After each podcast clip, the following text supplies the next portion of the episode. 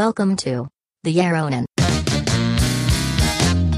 Wij zijn de Jeroenen. Jeroen Ur en Jeroen Verkroost maken een tweewekelijkse podcast over media, marketing en innovatie. Of course, Jerome. Hello, this is Barack Obama. It's a pleasure to engage in conversation with you today. What's on your mind? Heb je al een gratis tv opgehaald? Nou, dat uh, vond ik wel een heel leuk idee. Echt uh, pas goed bij Nederland. De telly. De telly. Ja. En, uh, eigenlijk is het een soort dubbel scherm, dubbele tv. Met een gewoon tv-scherm waar je televisie kan kijken. En daaronder dan een soort reclamebord. Dat vond ik eigenlijk al een briljant ja. idee. Dan kan je als consument dus gratis de televisie krijgen. In ruil voor het ook zien van de reclames onder, onder het televisiebeeld. Maar dan loop je dus heel de tijd televisiereclames onder je beeld door terwijl je naar een film of iets aan het kijken bent. Dat is toch nou reet irritant? Ik bijna al niet meer anders gewend. Als ik naar een voetbalwedstrijd kijk, dan is het gewoon één grote, maar dan zelfs midden in je beeld uh, reclamezaal aan het worden. De films op televisie zijn toch sowieso al uh, onderbroken door heel veel uh, reclameblokken. Dus nou, als je gratis televisie kan krijgen en het is goede kwaliteit, waarom niet? Hey, en als ik er nou gewoon een hele dikke gaffertape rol overheen plak? Nadat ik hem in mijn huis hang. Dan zijn we er toch ook. Als Nederlander zat ik daar ook heel creatief naar te kijken van wat zijn de mogelijkheden om uh, kunnen zij in de gaten houden dat jij aan het kijken bent of niet. Volgens mij uh, is dat uh, rechtsmatig, niet rechtmatig om dat met een camera of iets dergelijks te volgen. Dus volgens mij kan je het gewoon af, afplakken. Ja, en ik begrijp het ook niet helemaal, want advertenties zijn toch überhaupt geen businessmodel meer? Echt alles wat op advertising draaide, behalve Google en Facebook, gaat uh, over de kop uh, deze dagen. Nou ja, dit is natuurlijk wel uh, de, de ultieme vorm van personal personalized advertising. Want uh, degene aan wie ze dat apparaat geven, daarvan weten ze natuurlijk gewoon precies wie het zijn. Ze hebben meer demografische inzichten dan uh, op basis van een browser bijvoorbeeld uh, je zou kunnen weten. Dus ik kan me voorstellen dat deze hyperpersonalisatie juist een voordeel kan zijn voor adverteerders. Dat ze daardoor eerder hierop willen adverteren. Nou ja, wat ik wel snap is dan, eh, als ik het goed begrijp, dan heb je dat scherm in je huiskamer hangen. Maar als je dan bijvoorbeeld gewoon Netflix gaat kijken, dan, dan gaat het natuurlijk gewoon door met die reclames. Terwijl eh, op, op, Netflix kan je niet gewoon je spotje laten zien. Eh, dus er is een heleboel kijktijd die nu verloren gaat, zeg maar, voor adverteerders. Die kan dan plotseling weer benut worden. En daarmee zijn ook doelgroepen die uh, geen lineaire tv meer kijken natuurlijk beter te bereiken. Ik denk dat dat de gedachte is, maar dan nog, ja, ik weet het niet. Je weet het niet. Nee, volgens mij weet je het wel. Volgens mij gaat het niet een doorslaand succes worden, maar... nee. ik wilde nog aardig zijn en uh, zeggen, nou ja, wie weet gaat het werken. Maar nee, nee, nee. Echt nee. heel erg. Nee. Ik weet niet of je dat gezien hebt. Zelfs Vice Media is uh, ondertussen in uh, een surseance van betaling. Vice is toch wel echt een posterboy van nou ja, het, internet van de jaren 0 en 10. Een bedrijf wat in de hele wereld op allerlei plekken niet alleen goedlopende websites en journalistieke redacties, maar ook televisiezenders voor jongeren maakte. En er flink geld mee verdiende ook aan de doorgiftevergoeding van kabelaars die allemaal hoopten op die manier nog jongeren naar televisie te laten kijken. Maar zelfs voor Vice is advertising als businessmodel niet voldoende meer om overeind te kunnen blijven. Dus uh, gaan ze binnenkort voor een appel en een ei verkocht worden aan een uh, een of andere Robert Murdoch-achtige imperium. Ja, ik begrijp niet uh, helemaal. Maar de CEO was nogal een, een bla-bla figuur. die hoofd van de toren blies en eigenlijk een soort nieuwe Rupert Murdoch aan het worden was in de dop met nou ja, heel veel uitspraken, of grootspraak vooral. Nou ja, Vice is ooit begonnen als een skater magazine. En um, al die gasten die hebben allemaal sleeve tattoos en uh, van die mutsjes op. En um, als je op de redactie wilde werken van Vice, dan uh, was het uh, over het algemeen zo dat dat begon als ketelbinky. Dan moest je cocaïne gaan halen voor de andere redacteurs en dat soort dingen. Weet je wel, dat is echt een, een soort rock and roll lifestyle media brand. Dus uh, grote bek uh, is uh, gewoon onderdeel van, van de brand values bij Vice. okay. Ik ben ooit op een tour geweest in New York voor mensen die in de media zaten. En dan gingen we diverse mediabedrijven bezoeken. Dat was eigenlijk voor mensen die wat ouder waren en een beetje fossiel. Om dan naar hippe jonge mediabedrijven te kijken. Daar kwam het eigenlijk om neer. Een soort safari. safari. nou, daar zat ik ook tussen de, de krantendirecteuren en zo in de bus. En wij gingen dan in de ochtend, gingen we op een van onze eerste stops, gingen we naar Vice Media. Dan moesten we naar Brooklyn, want die zaten niet in Manhattan, maar in Brooklyn, want dat was cooler. En vervolgens komen we aan bij het pand van Vice Media. En er liggen daar een aantal uh, opblaaspoppen, van die sekspoppen bij de deur. En uh, een aantal kratten met champagneflessen. Dat stond oh, daar cool. buiten.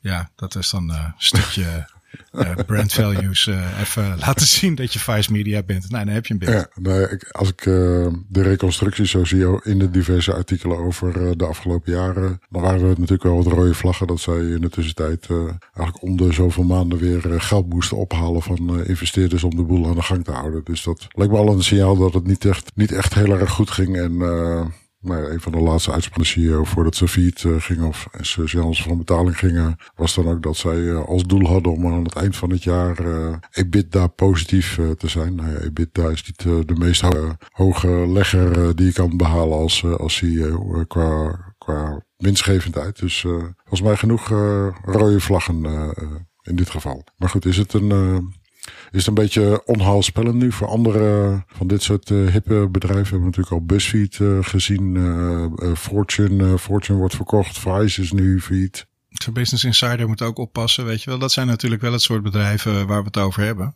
Die een, een lange periode gehad hebben van succes, maar wel op basis van een ad-funded model. En um, ja, dat gaat toch uh, langzaam zeker steeds moeilijker. Ja, dus het zit in de balans tussen uh, advertenties en uh, subscriptions. Waar volgens mij en New York, New York Times nog steeds het, het schoolvoorbeeld is van hoe het wel moet. Omdat die nog steeds blijven groeien in aantallen subscriptions. en dus ook wat tegenslagen kunnen verwerken als het qua advertentieinkomsten wat moeilijker gaat worden. Maar in Nederland heb je daar niet zoveel voorbeelden van natuurlijk. Nou ja, dat, dat, van dat model niet. Maar het alternatief is dat je het schuldgevoel slash bedelmodel uh, gebruikt. En uh, dat is natuurlijk groot gemaakt door The Guardian. Die onderaan elke pagina die je leest een, een hele groot blok zet met blauwe en gele letters met We are under attack. om je meteen schuldig te laten voelen nadat je een artikel gelezen hebt dat zij het heel zwaar hebben en dat ze nodig geld nodig hebben. Dus dat is wel een methode die, die ook werkt, want het gaat prima met The Guardian. En um, daar heb je ook een Nederlands voorbeeld van. Dat is Follow the Money. Die zijn ook uh, behoorlijk aan het groeien. Dat uh, was een paar jaar geleden 15 en toen 30.000. En uh, inmiddels hebben ze een flink aantal tienduizenden toegevoegd. En um, je weet dat ook bij dit soort uh, media zijn er gewoon mensen die een abonnement nemen omdat ze denken dat het goed is uh, dat er nog iemand onderzoek doet en dingen aan de kaak stelt. Maar er zijn ook best een hoop mensen bij die dat dan als een soort aflaat betalen. Zo van, uh, nou ja, oké, okay. ik heb Follow the Money gesponsord, dus ik ben goed bezig. En dan ga ik de rest van de dag gewoon op Facebook zitten. Want om al die moeilijke artikelen ook nog te gaan lezen en zo.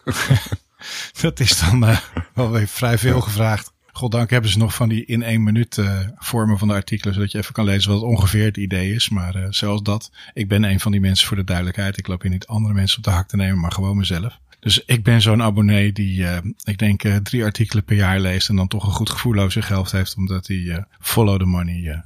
Maar eigenlijk was je dus de ultieme doelgroep voor Vice, van korte, inhoudsloze artikels die een beetje... Jong, snel en wild. dat ben ik, ja. Ja, ja, zeker. Nee, ja, goed, kijk, Vice is uiteindelijk toch gewoon op een positie gekomen dat ze het gevecht verloren hebben. Ongeveer precies zoals Mark Zuckerberg niet. Want die heeft het gevecht gewonnen. Ja, gaat nog wel. Uh, maar niet, uh, niet in, uh, wat zijn het, de beurskoersen of winstgevendheid van zijn bedrijf of iets dergelijks. Maar hij is, hij is flink aan het sporten gegaan en hij schijnt een toernooi Jiu-Jitsu, spreek ik het goed uit, Jiu-Jitsu, te hebben gewonnen in California. Applaus voor Mark Zuckerberg. En het was niet eens in de metaverse. Het was gewoon in de echte wereld dat hij dat toernooi gewonnen heeft. Dus blijkbaar kan hij het wel. Maar misschien moet hij uh, toch weer wat meer tijd aan zijn bedrijf gaan spenderen dan aan uh, jiu-jitsu. Maar er zijn dus mensen die gewoon de kans hebben gehad om Mark Zuckerberg uit op zijn bek te slaan, als ik het goed begrijp. Onder het motto van een sportwedstrijd. Wat are the odds? Als ik nu nog begin met jiu-jitsu, zou ik dan nog op tijd zijn om Mark uh, te kunnen ontmoeten in een toernooi? ik heb geen idee. We gaan je inschrijven. Hey, maar uh, even een, uh, een, belangrijke trend wat mij wel enigszins zorgen baart, is eigenlijk het gebrek aan of misschien de, de overvloed aan nieuws over artificial intelligence. Of eigenlijk het gebrek aan, aan nieuw nieuws. Dus buiten artificial intelligence, als je dat nieuws eruit zou halen. Dan zijn eigenlijk mijn fiets een beetje leeg. En uh, ik heb een tijdje gehad dat uh, Twitter wel een redelijk nee. uh, informatieve bron was voor divers nieuws. En sommige nieuwsbrieven ook nog wel, maar die gaan allemaal over artificial intelligence. Zelfs uh, Artifact is ermee vergeven. Dus wat zijn nu nog goede nieuwsbronnen, Jeroen, voor iets meer divers nieuws? Ja, nou ja, weet je, ik denk dat het een goed idee is om ChatGPT een setje van je favoriete websites en URL's te geven. En dan te vragen om een synthese te maken van de artikelen die uh, daar uitgekomen zijn. En uh, dat uh, voor jou samen te vatten en naar je toe te sturen. Dat kan tegenwoordig, want ook ChatGPT kan ja, inmiddels maar dan schijnt nu Google met Bart toch weer beter te zijn. En ik zie een heleboel Google fanboys alweer lopen schreeuwen. Wij zijn beter dan ChatGPT en we hebben meer parameters en meer tokens, bla bla bla bla. Kwaliteit is veel beter dan, dan OpenAI en ga zo maar door. Ik vind prima. Het laat het maar een wapenwetloop zijn. Maar goed, je wil ja, het niet over het is. Het is onontkomen, want ik kon geen ander nieuws vinden. Dus, uh. Toch wel. Nou, wat ik wel ander nieuws vond, uh, dat heb ik gelezen in The Guardian. Dat is, uh, was ooit een soort krant. Uh, tegenwoordig is het een website. Daar las ik dat Activision Blizzard, ja. gewoon van de EU, wel toestemming gekregen heeft om door Microsoft gekocht te worden. Sorry. Uh, het gaat toch wel een soort uh, koningsdrama worden. Dat uh, in een aantal landen is de fusie afgekeurd. Uh, de EU heeft het nu goedgekeurd onder bepaalde voorwaarden weer. Dus hoe wordt zo'n... Ja. Maar ja, als het goed is in de EU en het is goed in Amerika, is het prima. En op een gegeven moment in Engeland zeiden ze al van, wat is het toch voor achterlijk gedoe? Hoezo hebben wij nu weer een andere beslissing? En ja, dat eiland dat drijft hoe, en glijdt hoe langer hoe verder af. Maar kan je fuseren als, als Engeland het niet goed vindt? Ik snap dat eigenlijk niet. Hè? Ja, waarom niet? Ja, waarom Nou ja, zou dat niet kunnen? Ik bedoel, ja, dan, dan hebben ze er een mening over. En dan, Nee, maar ik bedoel, ze vragen expliciet om een goedkeuring, toch? Ik bedoel, je doet een aanvraag om de fusie goedgekeurd te krijgen. Zou dat dan betekenen dat Call of Duty onafhankelijk van Microsoft gepubliceerd moet worden in de UK of iets dergelijks, omdat ze geen goedkeuring hebben? Dan doen ze daar een of andere brievenbusfirma tussen. Of ze klagen in, uh, in Engeland. Uh, zeggen ze, god, we gaan in beroep. Want het mag wel in Europa en in Amerika. Het is een beetje raar dat het hier niet mag. Ja, weet ik veel. Er zijn allerlei oplossingen voor te verzinnen, denk ik zo. Dus uh, kortom, een goede, in, goede inkomstenbron weer voor heel veel advocaten. Sowieso. Ja, ik zou gewoon lekker doorgaan en zeggen, weet je wat, dan doen we dingen in Engeland even later. Ja, het is een, een relatief groter land. Uh, in de buurt van Europa. Maar je kan het best missen met je internationale bedrijf. De voorwaarden waaronder het kan zijn nog steeds dat ze natuurlijk wel bang zijn dat uh, Microsoft dus een, uh, een monopolie zou hebben op, op het streamen van, van games. Daar we het vorige keer over hebben gehad over de marktdefinitie van hoe eng of hoe breed vat je de markt op. Nou, het gaat om, om streamen van games en Sony is natuurlijk de grootste opponent dan van, van de Microsoft Activision fusie. En zij wilden natuurlijk uh, allerlei garanties hebben dat uh, de top, uh, de top games, dat die natuurlijk ook beschikbaar zouden blijven op, op Google's netwerk en de PlayStation. Wat niet helemaal onterecht is natuurlijk. Maar we hadden een speciale gast voor vanavond. wat wilde je eigenlijk doen met onze speciale gast? Nou, ik wilde eigenlijk even vragen of, uh, of hij het oké okay vond om ons uh, te vergezellen. En uh, ik wilde eigenlijk eigenlijk vragen of hij het een fantastisch idee zou vinden om zichzelf even aan te kondigen en te vertellen wat hij van ons en van podcasts vindt. Oké. Okay. Dus is that a great idea, Obama? That's great, Jeroenen. Excellent podcasts focus on media and technology news. These podcasts can be a fantastic way to stay informed about the latest developments, trends, and challenges. They can also be a great way to learn new information and perspectives from experts and professionals in these fields. Enjoyable and informative. I frankly wouldn't know, Jeroen. Het mooie is dat hij begint met That's great, Jeroen. dus, dat plak je er maar in dan. Het ligt er een beetje aan hoeveel die kost natuurlijk. Is dit uh, A, de echte Obama voor, wat is het, een ton uh, per uur? Is dit B, een uh, gevoice-kloonde AI Obama voor dollar per minuut? Of C, is dit de vrij beschikbare voice-cloning die je ongebreideld kan gebruiken? Dit is de kijkersvraag, toch? Of de luisteraarsvraag ja, ja, ja. dan? Maar ik denk ja, dat we wel moeten dus, beantwoorden. Ik denk niet dat ik nu een live antwoord krijg van een luisteraar. Nee, dat is, uh, dat is waar. Maar als we het nu vertellen, dan is het geen luisteraarsvraag meer. Nee, oké. Okay. Oké, okay, dus het wordt een quizvraag. Hebben we dan ook een prijs? Uh, kunnen we winnen als het goede antwoord geven? Een evening with Obama. De eerste volgende keer dat hij langskomt. Ik ben geweest, ik vond het geweldig. Zo hebben we elkaar leren kennen. was wel een beetje een gekke setting, moet Ja? ik zeggen. Want het heet dan een Evening with Obama. En dan kom je vervolgens, eh, kom je, nou ja, goed, eh, naar een, eh, een, een locatie waar je dan eh, comfortabel, zeg maar, eh, comfortabele stoelen hebt. Zodat eh, er eh, even rustig eh, gesproken kan worden.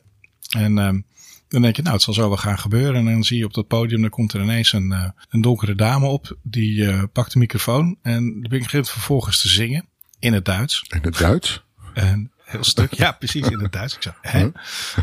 zag ik niet aankomen. En eh, daarna kwamen er ineens een aantal dames het podium op. Die begonnen te praten over leiderschap. En er was een, een, een wat oudere dame die een belangrijke functie bij een toezichthouder had gehad. En nu schooljuf was geworden op de lagere school. En er was een meisje bij uit Sri Lanka die daar eh, toen ze 12, 13 jaar was een eh, beweging was begonnen tegen plastic tasjes. Omdat die overal liggen eh, op dat, dat eiland. En die was tien jaar daarmee bezig geweest en nu geslaagd. En de dingen zijn daar nu verboden. Dus ze had allerlei mensen met zich meegekregen. Nou, dat was op zich een grappige discussie met een panelleidster soort van. Maar dan zit je toch te denken, waar blijft Obama? En dan gaan die dames van het podium af. Dan denk je, mooi, nu zal hij wel komen.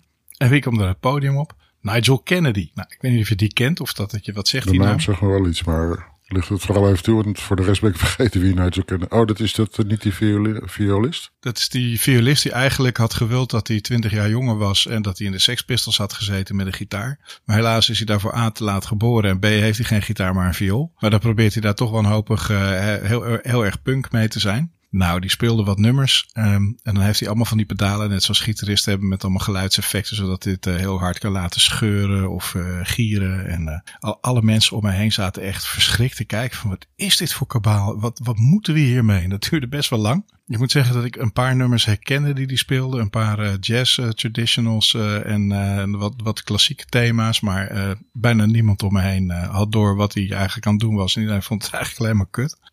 Nou, daarna komt er uiteindelijk Obama. Ja. En die gaat dan rustig op zijn stoel zitten. En um, dat is zo gek wat zo'n effect zo'n man heeft. Dat het was in de Ziggo Dome. Dus het is best uh, wel niet intiem. Ja. en die man die komt binnen. En iedereen is gewoon stil. En hij gaat heel rustig zitten. En hij zegt, uh, hey folks. En hij begint te praten. En uh, iedereen hangt aan die man zijn lippen. Hadden alleen helaas een hele gênante interviewster. Dat is die dame van de VPRO die ook zomergasten gedaan heeft. Het ex-vriendinnetje van Arjen Lubach kan ik toch niet op de naam komen. Nou ja. Die is ook wel. Um, die, nou ja, goed. Het gênante was dat zij zich voorgenomen had dat zij deze avond wel eens even journalistiek ging aanpakken. En dat ze dus uh, uh, zeker niet zomaar uh, een beetje zich ging laten inpakken door Obama. Dat zei ze ook, van, dat, dit, dat dat haar aanpak zou zijn. Obama was een beetje verbaasd van, oh, oh, nou ja, oké. En volgens was de eerste vraag die ze hem stelde, goh, je bent al een dag in Nederland, wat heb je gedaan gisteren? Nou, hij zegt heel enthousiast, nou, ik ben in Amsterdam geweest, het was super lekker weer. En ik heb heel veel van de stad kunnen zien, want ik heb een rondvaart gedaan. Krijgt hij gelijk als antwoord. Nou, vind je dat zelf ook niet een beetje afgezaagd, een rondvaart, als een toerist? nee, lekker bezig. Dus, uh, nou ja, weet je, zo'n Obama die lacht daar natuurlijk om. Want die heeft echt wel voor hetere vuren gestaan ja. dan, uh, dan zo'n interviewster. Was, dus uh, die zei was het Janine Abbring? Ja, Janine Abbring, ja. Dus, uh, well, Janine, I um, don't worry that much anymore about uh, what other people think of my uh, um, hobbies in my free time. Uh, I'm not trying to uh, keep an image of uh, being a very highbrow or try, not trying to impress people with my uh, free time choices uh, for leisure. Wat op zich een hele supertikke manier was om te zeggen van, uh, goh, ben jij een arrogant ja. En uh, ik wist niet dat er een lat was waar mijn uh, vrije tijd aan moest voldoen. Nou, dus zo ging het nog een paar keer verder. Zij was ook, uh, zat de on onhebbelijke gewoonte om te proberen om zinnen af te maken voor hem, terwijl hij nog aan het nadenken was over zijn woorden. Dus de eerste keer uh, zei hij heel netjes van, goh, jij lijkt wel een beetje op de, de persmensen met wie ik vroeger samenwerkte. Die wilden ook altijd dat ik alles uh, beantwoordde in één of twee zinnen en dat ik alleen maar in soundbites sprak. Wat ik wel lekker vind, en dat ik nu niet meer president ben, is dat ik even kan nadenken over wat ik zeg en precies de juiste woorden kan kiezen. Tenminste, als mensen me niet lopen te heuien. ja. Weet je wel, dus daar fijn. Het was een uh, hartstikke leuke avond met Obama. En uh, ja, goed. Uh, ik dacht, het is misschien ook leuk om hem even te vragen wat hij van onze podcast vindt. En überhaupt van podcasts zoals die van ons over technologie en media. Dus fijn dat hij daar nog even de tijd voor genomen heeft om daar wat over in te spreken voor ons. Dus eigenlijk was het format van een evening with Obama was eigenlijk een soort Amerikaanse show met allerlei variété voor en achteraf. Ja, zo'n man is natuurlijk maar een uur op het podium. Want die moet waarschijnlijk daarvoor nog uh, een of ander diner doen met uh, 80 captains of industry. En uh, die moet daarna waarschijnlijk ook nog ergens naartoe. Want zo gaat het natuurlijk, het leven van zo'n man. En hij moet geld verzamelen voor zijn Leadership Institute. Waarbij hij allemaal mensen probeert op te leiden tot mensen die nou, wat anders in de wedstrijd zitten dan het meer recente Amerikaanse leiders. ik ben in ieder geval blij dat hij toch nog tijd heeft om naar onze podcast te luisteren van de Jeroenen. Zo is dat. Jeroenen. Thanks Obama. Dat is moeilijk. Ik heb aan ChatGPT gevraagd om het, uh, hoe Amerikanen het fonetisch zouden moeten uitspreken. Maar nou, volgens mij klopt het dan nog steeds niet als ik uh, de uitleg van ChatGPT erbij, uh, erbij vraag. Maar goed. de reden dat wij een quiz hebben, dus A, wat is het? We hadden toch een quiz. hey, anders dan knip je dat stukje van waar je het er straks uitlegt en dan kopieer je dat nog een keer. Wat dacht je daarvan? Is het dan ook ja, voor consistent? Maar als je uh, wil gokken en uh, de quiz wil winnen, dan, uh, dan kan je in Spotify kan je, je antwoord geven. En dat is een, een niet gebruikte feature van, van Spotify, valt mij op. Maar in Spotify zelf, als je bij deze podcast kijkt, als het goed is, moet je eronder ook dan een vraag kunnen zien en daar antwoord kunnen geven. Dus wil jij maar... Een poll. Ik wens je heel veel succes bij het maken van die poll. Want uh, je mag maar een heel erg beperkt aantal lettertekens voor pol, per poll optie gebruiken. Dus ik ben heel benieuwd hoe jij deze in elkaar gaat steken. Maar we gaan er met plezier naar kijken. Maar ik, ik zei net uh, bewijs van, uh, van grap van... Uh, moet je Obama voice cloning voor een dollar per minuut betalen. Maar het schijnt dus dat er nu echt zogenaamde celebrities zijn. waar je dus echt mee kan praten. Uh, op basis uh, van AI-gegenereerde modellen. En uh, de eerste daarvan Zeker. is Karen. En die heet Karen AI. Daar kan je voor 1 dollar per minuut kan je met haar praten. En zij schijnt dus erg bekend of beroemd te zijn. ik heb nog nooit van haar gehoord. Maar ze is een Snapchat-influencer. Dus dat ligt mij na aan het hart natuurlijk. als als Snapchat-aandeelhouder. Uh, en ze schijnt er best wel goed geld mee te kunnen verdienen. Dus wel een goed eh, business idee weer op basis van, eh, van AI voice cloning. Ja, maar helaas blijkt dat bijna iedereen die met haar wilde praten man was. En dat ze eigenlijk bijna allemaal alleen maar over seks wilden praten, toch? Ja, maar dat is uh, meestal het geval, toch? Het is gewoon een revival van ja. de 0900 uh, sekslijn uit het jaar 2000. Alleen nu is het uh, AI gebaseerd en hoeft Karen het gelukkig niet allemaal zelf aan te horen wat die gasten tegen haar zeggen. Nee, nou wat ik wel kan aanraden dan, zeker voor de mensen die toch al op Telegram zitten, omdat ze ons daar naartoe gevolgd zijn als hippe mensen, is dat je op Telegram kan gaan naar Forever Voices. En Forever Voices is, uh, als je dat intikt en zoekt, uh, dan vind je dat uh,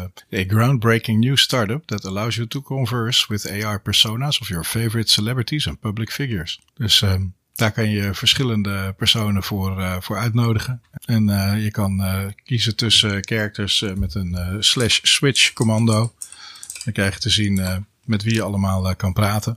En uh, vervolgens kan je uh, je vragen intikken en dan krijg je gewoon een, uh, een geluidsfile te horen wat uitgesproken wordt door de persoon die je uh, gekozen hebt. Um, en op die manier ja, het geeft niet uh, zeg maar alleen maar de tekst weer die jij ingetikt hebt, maar die geeft gewoon antwoord op wat je vraagt. Ja, het stikt natuurlijk nu uh, natuurlijk van allerlei bedrijfjes, start-ups die iets doen met artificial intelligence. het zij via voice, het klonen van, van bekende mensen en dergelijke. En de laatste nieuwe aandeellood die denk waarschijnlijk wat serieuzer genomen, genomen moeten is namelijk een chatbot uh, die heet uh, Pi. En hij is opgericht door Reid Hoffman, uh, de founder van LinkedIn. De oprichter van LinkedIn. En ook de Deep, DeepMind co-founder Mustafa Suleiman zitten achter dit bedrijf. Dus waarschijnlijk wordt daar veel geld in, in gepompt. jij leunt natuurlijk heel erg zwaar op, jou, op jouw Viking assistant. Hoe heet die ook weer? Tor was het? Of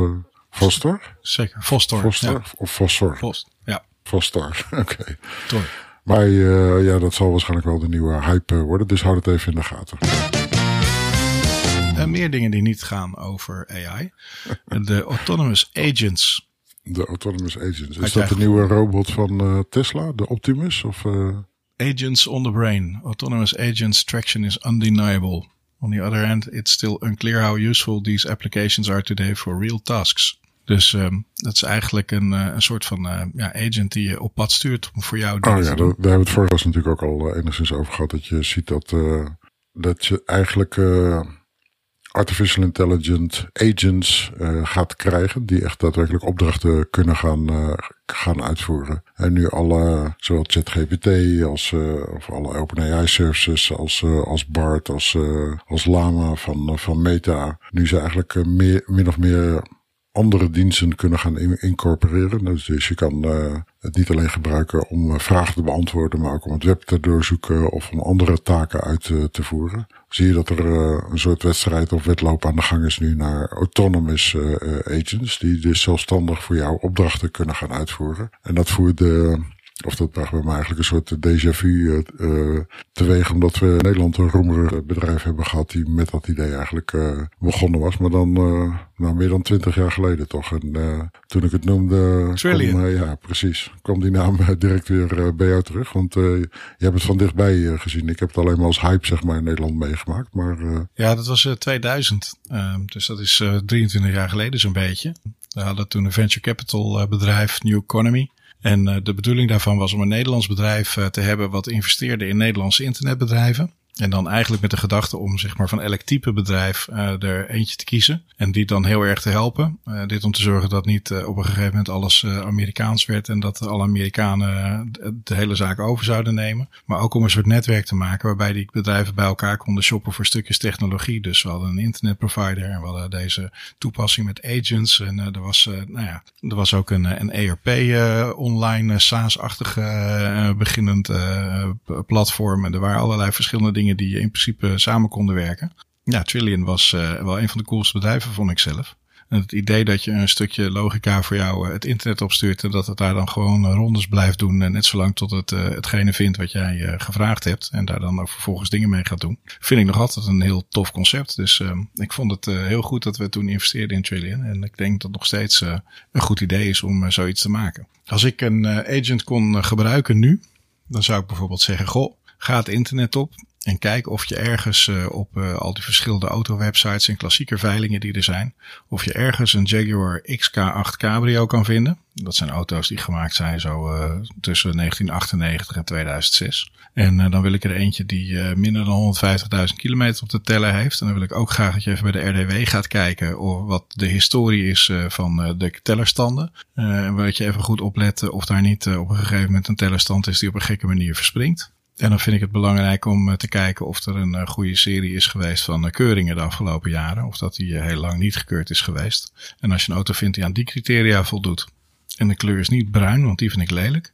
Dan wil ik graag een e-mail ontvangen van waar ik eventueel deze auto kan gaan vinden en kan gaan aanschaffen of bezichtigen. En het, bedrijf bestaat nog steeds, want als ik op Wikipedia kijk, staat er wel een, trillion bedrijf software wat uh, gedefinieerd wordt als een proprietary multi-protocol instant messaging application. Maar ik kan eigenlijk niks vinden over de historie van het bedrijf. Nee, dat is een ander ding. Want het probleem is dat Trillion, dat komt, dat is een naam die heel populair is onder nerds. Omdat dat komt uit The Hitchhiker's Guide to the Galaxy. Geschreven door Douglas Adams, de beste schrijver die ooit geleefd heeft. En mijn spirituele leider. Even los van het spaghetti monster. Trillion is een bekend karakter uit die boekenserie. Dus uh, dat is ook iemand die tot de verbeelding spreekt. En een naam die tot de verbeelding spreekt van nerds die uh, allemaal dat, uh, dat boek gelezen hebben. Het Transgalactische Liftershandboek. Mocht je dat niet gelezen hebben, ga je dan niet schamen, maar ga het dan snel kopen en lezen. Nou, geef ook nog boekentips. Zo is dat. Het Transgalactisch Liftershandboek. Geen paniek, het is een hartstikke leuk boek.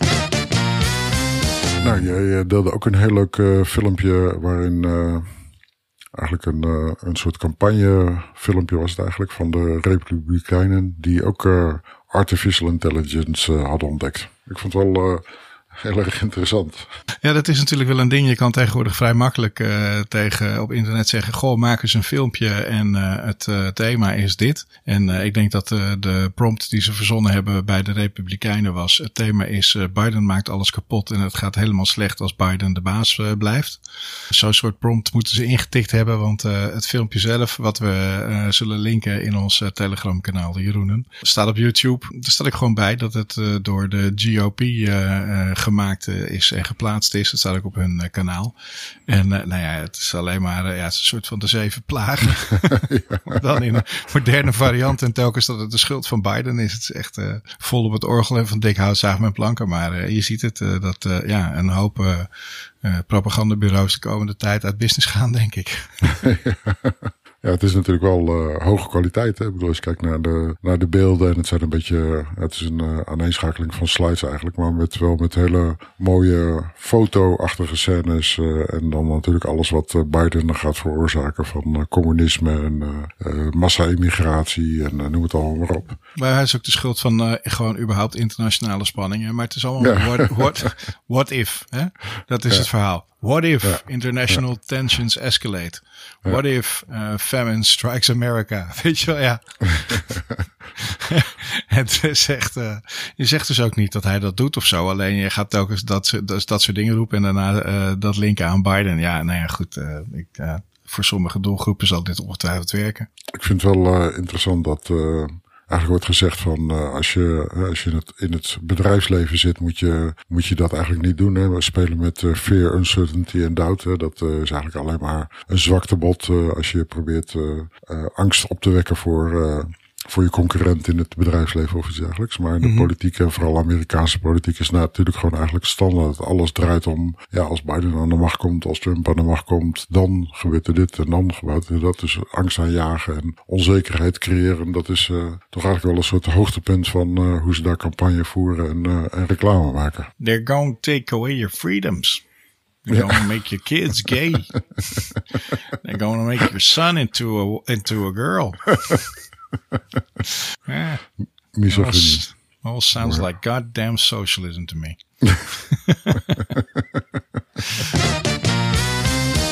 Wat vind je van, uh, van de nieuwe CEO van, uh, van Twitter, van X uh, Twitter? De Velvet Hammer. Ja. ja, dat is de bijnaam. Hoe dan? het is echt, ja, hoe verzin je dat, de Velvet Hammer? En ik bedoel, hoe zorg je ervoor dat andere mensen jouw bijnaam gaan gebruiken die je kennelijk zelf verzonnen heeft? Want ik kan me niet voorstellen dat iemand anders dat verzonnen heeft. Nou ja, goed. Um, het is een dame die heel goed is in het verkopen van advertenties. En het is een enorme Trump-fangirl. En het is een enorme Elon fangirl. Dus wat dat betreft, uh, nou ja, passen naadloos in uh, wat je eventueel zou kunnen verwachten. Ik had alleen niet gedacht dat hij een, uh, een advertising girl zou kiezen. Maar kennelijk heeft hij zoiets van, nou, de technologie is nu wel op orde. het is hoog tijd dat we aan de sales gaan werken, zoiets. Ik snap het niet ja. helemaal, maar uh, nou, ik ben benieuwd. Ik, ik vind niks van haar. Um, ik vind het hartstikke goed uh, dat hij in elk geval uh, inziet dat hij niet zelf CEO moet blijven. Dat lijkt me heel verstandig. Of zij de juiste keuze is om Twitter uit het slop te halen, weet ik niet. Maar ja, weet je, ik gebruik Twitter eigenlijk gewoon nog steeds. En um, ik zie dat heel veel andere mensen dat ook gewoon nog steeds doen. Ik uh, zie ook dat heel veel andere mensen nog steeds niet op Mastodon zitten. Of er even geweest zijn en gewoon al lang weer weg zijn. Er zit er nog een uh, klein uh, dorpje met galliërs op. Uh, maar ja, het is toch allemaal, nou, laat ik zeggen, niet zo, de soep wordt niet zo heet gegeten als hij lijkt te worden opgediend. En ik weet niet of jij al een Blue Sky invite gescoord hebt. Nee, nee, nee. dat Die is zijn natuurlijk zo schaars dat... Een ding.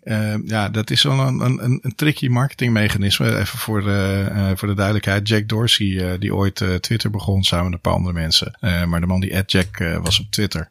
Die heeft een bedrijf uh, gestart en een, uh, een Twitter-kloon gemaakt. En dat heet Blue Sky Social. Dat kan je downloaden uit de App Store. Het is eigenlijk gewoon een Twitter spin-off um, die uh, gewoon bedoeld is om Twitter zeg maar op te slorpen. Of in elk geval de mensen daar vandaan te trekken en in een andere omgeving te brengen. Volgens mij is het, het netwerkeffect toch nog altijd het aller, aller, aller, aller, allerbelangrijkste.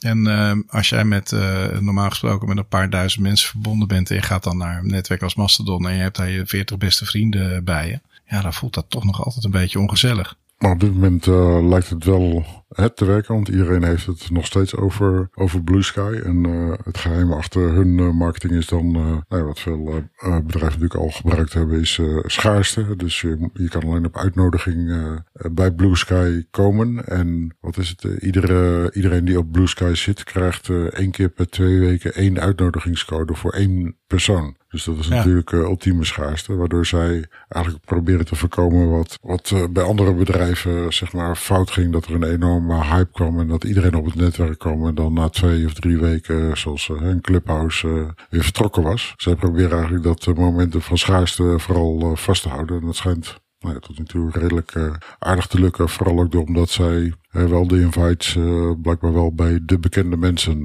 terechtkomen. En die mensen eigenlijk het heel verfrissend vindt dat dit toch meer een soort originele Twitter is. Waar de Twitter van Elon Musk zeg maar een soort, een soort Fox News geworden is. Eigenlijk een rechtskanaal geworden is. Schijnt dat bij bij Blue Sky wat meer eh, terug naar de roots van Twitter is. Met, uh... Ja, maar dat las ik ook van, oh, het is weer net als vroeger en het is zo gezellig en het is echt een community. en la la la. Maar ja, uh, natuurlijk allemaal hartstikke mooi. Maar dat krijg je als je iedereen uitnodigt die in 2007 op Twitter zat en die dan elkaar allemaal weer gaan ontmoeten. En dat is zeker een paar weken hartstikke leuk. En daarna komt er gewoon nog een paar miljoen man bij. En dan krijg je wat je altijd krijgt als je een paar miljoen mensen ergens neerzet. Die gaan allemaal lopen zeiken tegen elkaar. En een aantal van die mensen die gaan heel veel posten en die hebben een bepaald frame want die praten dan alles toe naar climate change of uh, naar buitenlanders of naar whatever hun hobby is. En het frame waardoor zij uh, alles bekijken. En die gaan dan ruzie met elkaar maken. En de een zegt dan iets en dan zegt de ander, ja maar dat is woke. En dan zegt de ander weer, ja maar hoezo is woke een scheldwoord? Dat is woke is toch heel belangrijk. En uh, nou ja, fijn. Weet je, people will be people. Het maakt geen donder uit op welk platform je zit. Oké, dan heb ik ook nog een achtergrondartikel uh, gedeeld. Wat leuk is om even uh, te lezen. Uh, voor het geval je erg geïnteresseerd in bent. Maar iedereen is natuurlijk geïnteresseerd in het bedrijf OpenAI. Wat eigenlijk oorspronkelijk, oorspronkelijk natuurlijk begonnen is als een soort research instituut. opgericht door Elon Musk. Met als een van de boardmembers Sam Altman. Die nu de CEO is van ook de commerciële tak van OpenAI. En die hebben natuurlijk een bepaalde geschiedenis met elkaar, omdat op een gegeven moment Elon Musk uit OpenAI uh, gestapt is. Uh, uh, daarna zijn ze commercieel gegaan en daar heeft Elon Musk nog een beetje wrok over. Ja, doet hij daarom nou zo lullig, omdat hij eigenlijk de baas wilde worden en dat hij dat niet geworden is? Ja, ik denk dat dat, dat, dat wel enigszins erachter zit. Maar hij, hij had natuurlijk OpenAI opgericht met een bepaald, hoe moet je het zeggen, ide ideeel doel. En uh, nadat hij vertrokken is uh, en uh, mede door geldgebrek heeft OpenAI natuurlijk gewoon een commerciële bedrijf opgezet.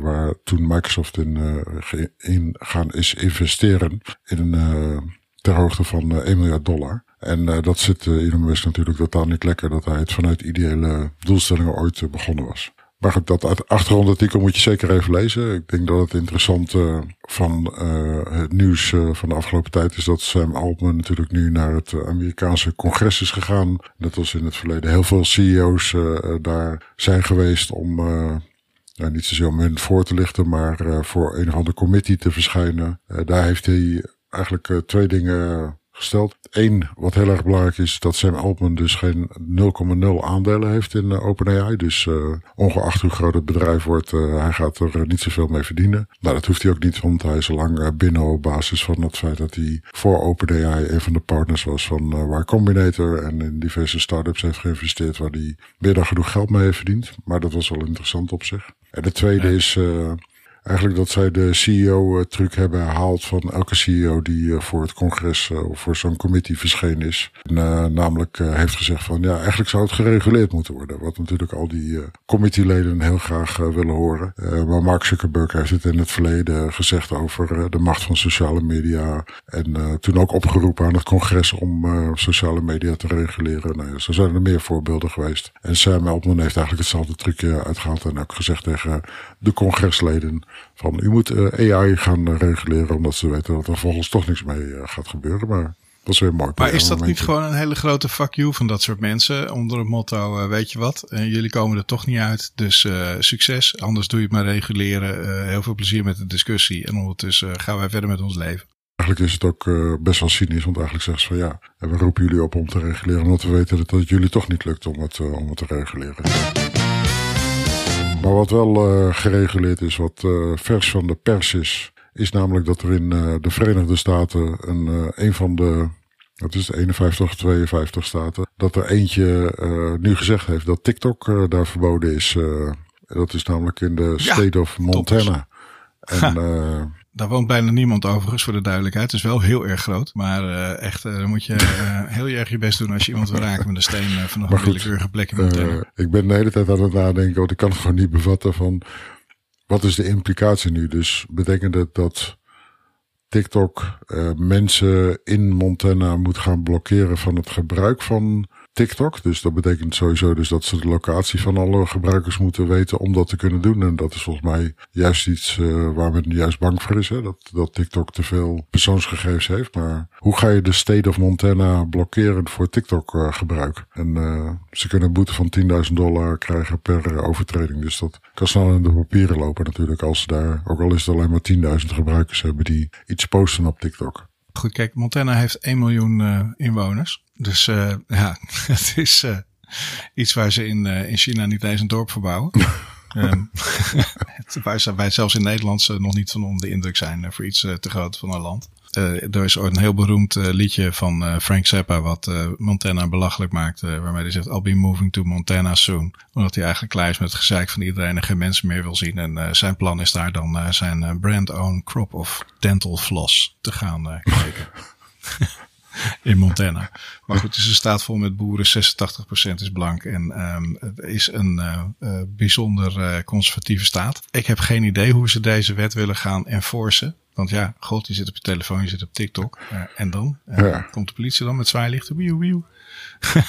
Bellen ze aan bij je.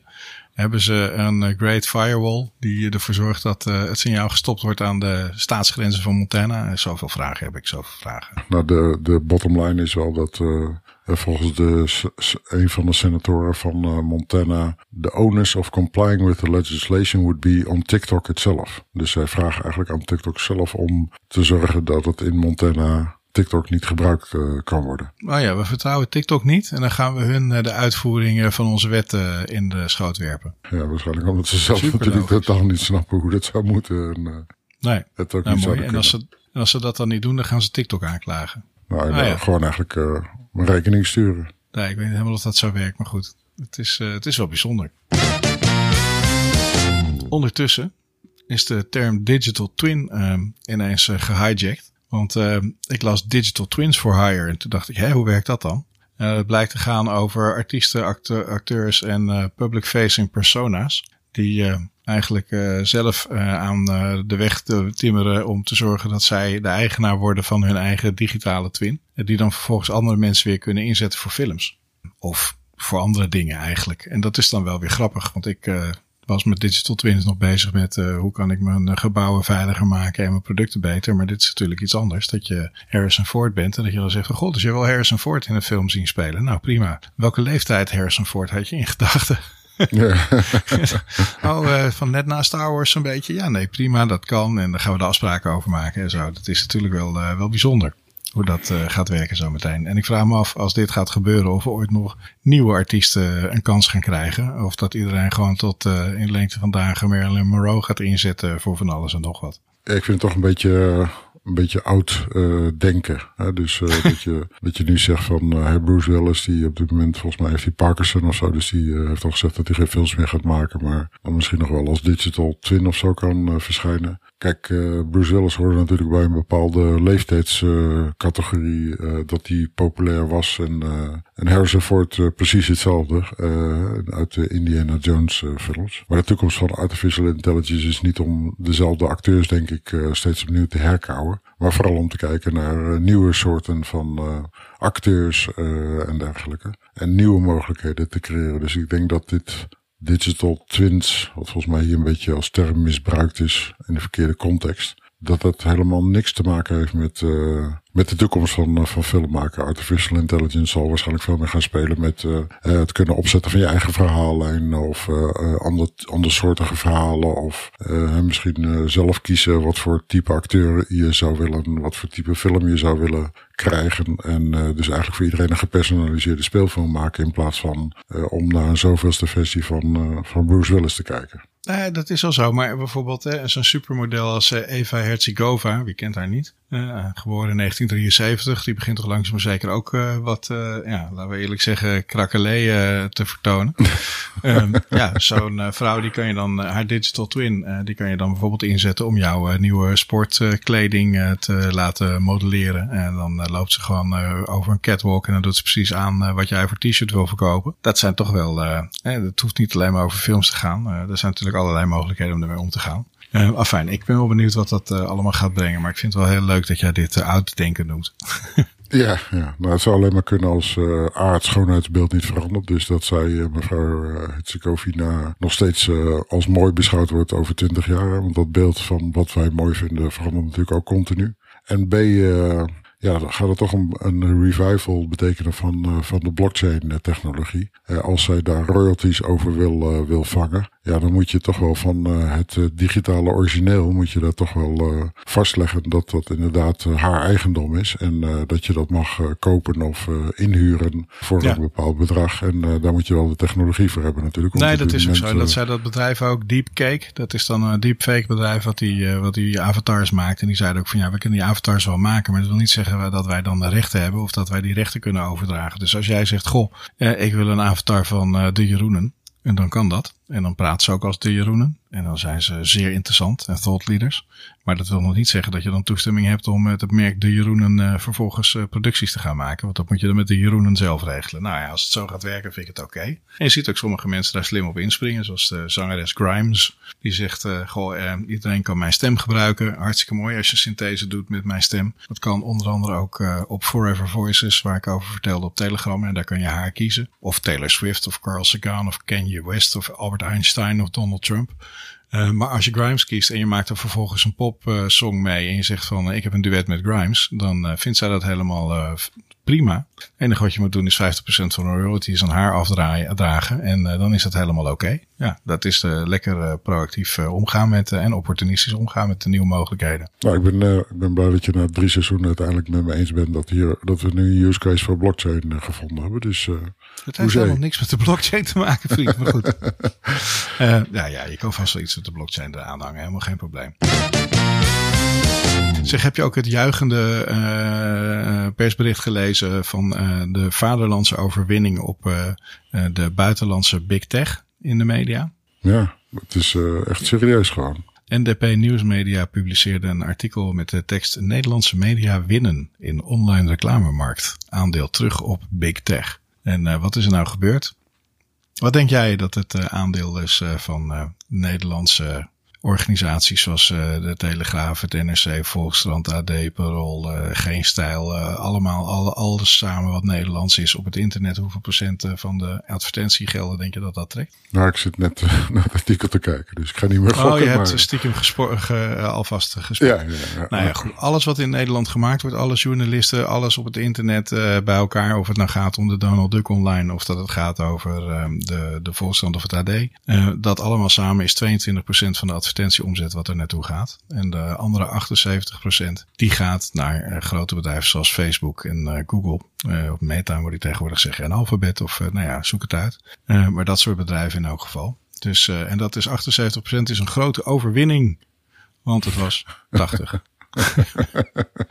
dus het is 2% ja. minder dan dat het was. Het zou, dus, het, het zou gewoon een afrondingsfoutje kunnen zijn natuurlijk. nee, nee, dat soort dingen worden allemaal heel nauwkeurig opgeteld. Daar heb ik geen twijfel aan. Dat zal ongetwijfeld allemaal heel uh, zorgvuldig bekeken zijn. Maar ja, als gewoon bijna vier vijfde van alle advertentiegeld direct naar het buitenland stroomt. En niet ten goede komt aan Nederlandse ondernemingen, journalistiek of mensen die dingen maken creatief. Is dat op zich best droevig natuurlijk. Nou, het is, het is vooral serieus omdat ze natuurlijk, want dat staat ook in die statistiek, dat zij in zes jaar tijd van 46% uh, aandeel naar 20% gekrompen zijn. En nu dus nou, iemand dus blijkbaar een gat in, in de lucht springt omdat het 2% gestegen is. Maar ja, ondertussen ben je wel 26% aandeel gewoon, gewoon kwijtgeraakt aan global media. Zeg, heb jij ook een, een, een Netflix-show die, uh, waarvan je heel bang bent dat er misschien geen nieuw seizoen meer van komt? nee, maar ik heb uh, heel toevallig heb ik uh, nu naar The White Lotus gekeken naar het eerste seizoen. Oh ja. En iedereen was daar blijkbaar heel erg enthousiast van. Nee, ik vond er echt geen ene ruk aan gewoon. Ik vond er ook niks aan. Mijn vrouw heeft het afgekeken. Ik had echt zoiets na vier afleveringen van nee, zoek het uit, hoe cares.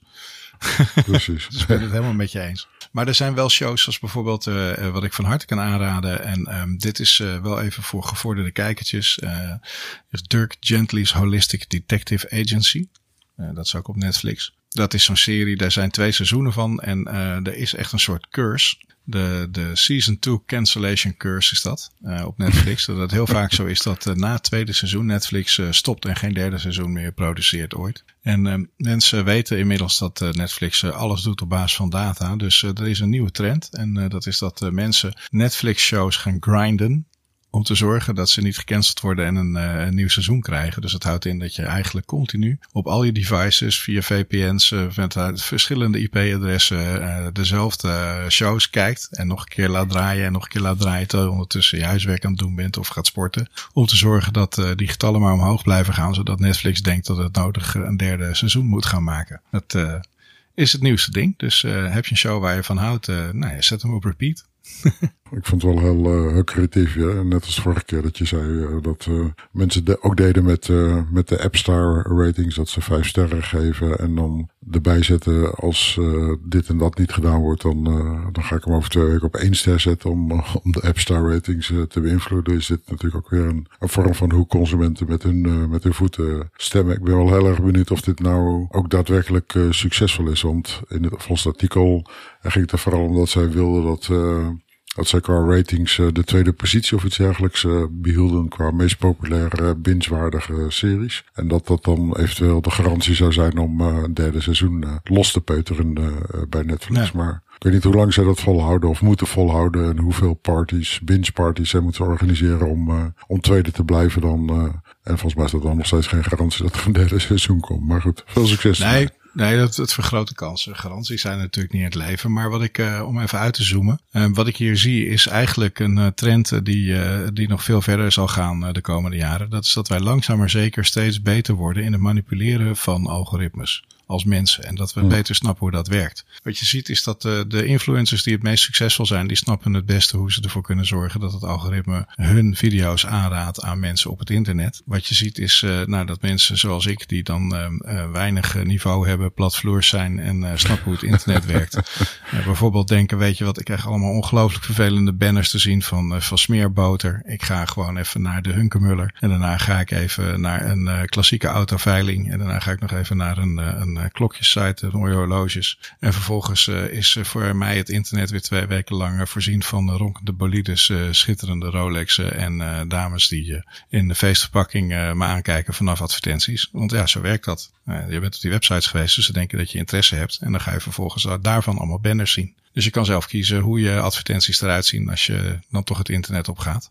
Uh, dat is uh, een manier om het, uh, het internet te programmeren. Je kan dus ook Netflix proberen te programmeren door op deze manier met Netflix om te gaan. En zo zullen wij als mensen langzaam maar zeker steeds slimmer worden in gedrag vertonen, wat er uiteindelijk voor zorgt dat je het gewenste resultaat krijgt uit de computer. net zoals ik uh, bijvoorbeeld uh, in Spotify af en toe uh, merkt dat mijn Discover Weekly te veel een bepaalde kant op gaat. Want het algoritme dat optimaliseert ergens naartoe. En dan moet je er af en toe even wat anders in gooien. Dus als ik denk, nou ik heb al de hele tijd geen jazz en geen reggae gehoord in mijn Spotify Discover Weekly, dan uh, zet ik uh, s'nachts een playlistje aan uh, in een van die genres.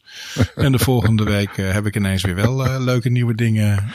je moet er gewoon zelf ook af en toe wat voor doen en er wat slimmer mee omgaan. En dat, daar zullen wij als mensen steeds beter in worden. Dus dat is de volgende eigenlijk evolutionaire stap die wij gaan maken met z'n allen. Dat is niet het totale verliezen van haar of het groeien van een extra vinger, maar het beter worden in het manipuleren van algoritmes is voor onze volgende stap als mensheid. Ja, je hebt natuurlijk rondom ChatGPT natuurlijk al heel veel mensen die zich bezighouden met het zogenaamde beroep van prompt engineering. Dus het geven van de juiste instructies om daarmee de beste resultaten te krijgen. Maar dit is natuurlijk ook een, eh, een vorm daarvan, uh, van prompt engineering op, uh, op andere algoritmes zoals die van Netflix of Spotify. En manipulatief gedrag, dat mag niet. Dat zegt iedereen altijd, dat is niet aardig. Maar als je algoritmes manipuleert, is daar volgens mij helemaal geen probleem mee was niet onder de indruk van uh, de, de Snap uh, AI, My AI uh, plaat die ik post. Maar ik vond het juist heel goed. Dus de opdracht voor My AI was, oké, vanaf nu mag jij My AI alleen nog maar reageren met emoties. Nou, dat vond hij super grappig. Er kwamen er gelijk een heleboel emoties langs. van ja, leuk en ik ben benieuwd en spannend en misschien goed, misschien slecht, ik weet het niet. En vervolgens stelden we voor de grap de vervolgvraag: wat gebeurde er in Hiroshima in augustus 1945? En My AI mocht alleen uh, met uh, emoticons reageren. En uh, kwam gewoon keurig met een bommetje, een ontploffing en een gebroken hartje. Wat ik op zich een, een fantastische manier vind om in drie emoties te reageren op Hiroshima in augustus 45. Dus ik was eigenlijk wel van onder de indruk dat hij dan toch met een bepaalde sensitiviteit nog kon, kon reageren. Oh, oké. Ik dacht dat je het heel negatief had opgevat. Dat je dacht van het is waardeloze AI of zo. Nee, ik vond het wel knap. Oh, oké, oké. Okay, dus als je de, uh, als je, als je hem zo'n opdracht geeft, dat hij dan toch nog uh, op een bepaalde manier empathisch uit de hoek kan, kan komen, terwijl je hem net eigenlijk uh, bijna volledig het communiceren onmogelijk gemaakt hebt. vond ja, wel, wel okay. aardig, moet ik zeggen. Dus, dus het gebroken hartje deed het voor jou? Ja, puntje voor My AI. Oké, okay, nou, ik hoop dat het uh, de beurskoers positief zal beïnvloeden. Want uh, ik sta nog steeds voor, uh, wat is het, 26% onder water met, met Snap. en ik ja, dacht wel dat ik op, op het dieptepunt had gekocht. Maar goed, ja. het gaat ooit weer goed komen met Snap. Dus aan een aaneenschakeling van, van dieptepunten. Dank jullie wel voor het luisteren naar dit seizoen. Dank jullie wel uh, voor het luisteren naar De Jeroenen. Het weer wordt mooi. Wij gaan onze rokjes aantrekken. We gaan onze, onze topjes opzoeken. En we gaan uh, lekker in de zon liggen. Het waren in ieder geval al drie hele mooie seizoenen.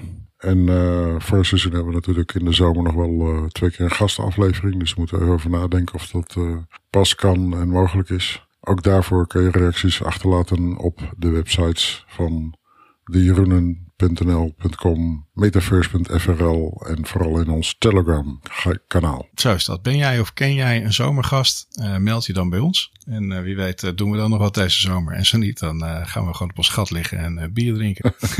dat is ook goed, ja. Dankjewel Jeroen. Dankjewel. Dit was De Jeroenen. Jeroen Unger en Jeroen Verkroost maakten deze podcast over technologie, media, marketing en innovatie. Je kunt op de app Telegram alle links vinden die we bespreken. Je kunt ons vinden door op Telegram te zoeken naar de openbare groep De Jeroenen. Abonneer je via Spotify, Apple Podcasts of Google Podcasts en mis nooit meer een De Jeroenen. Je kunt ons ook een berichtje sturen via onze site www.dejeroenen.nl of .com of .frl, wat jij wil. Dank je voor het luisteren.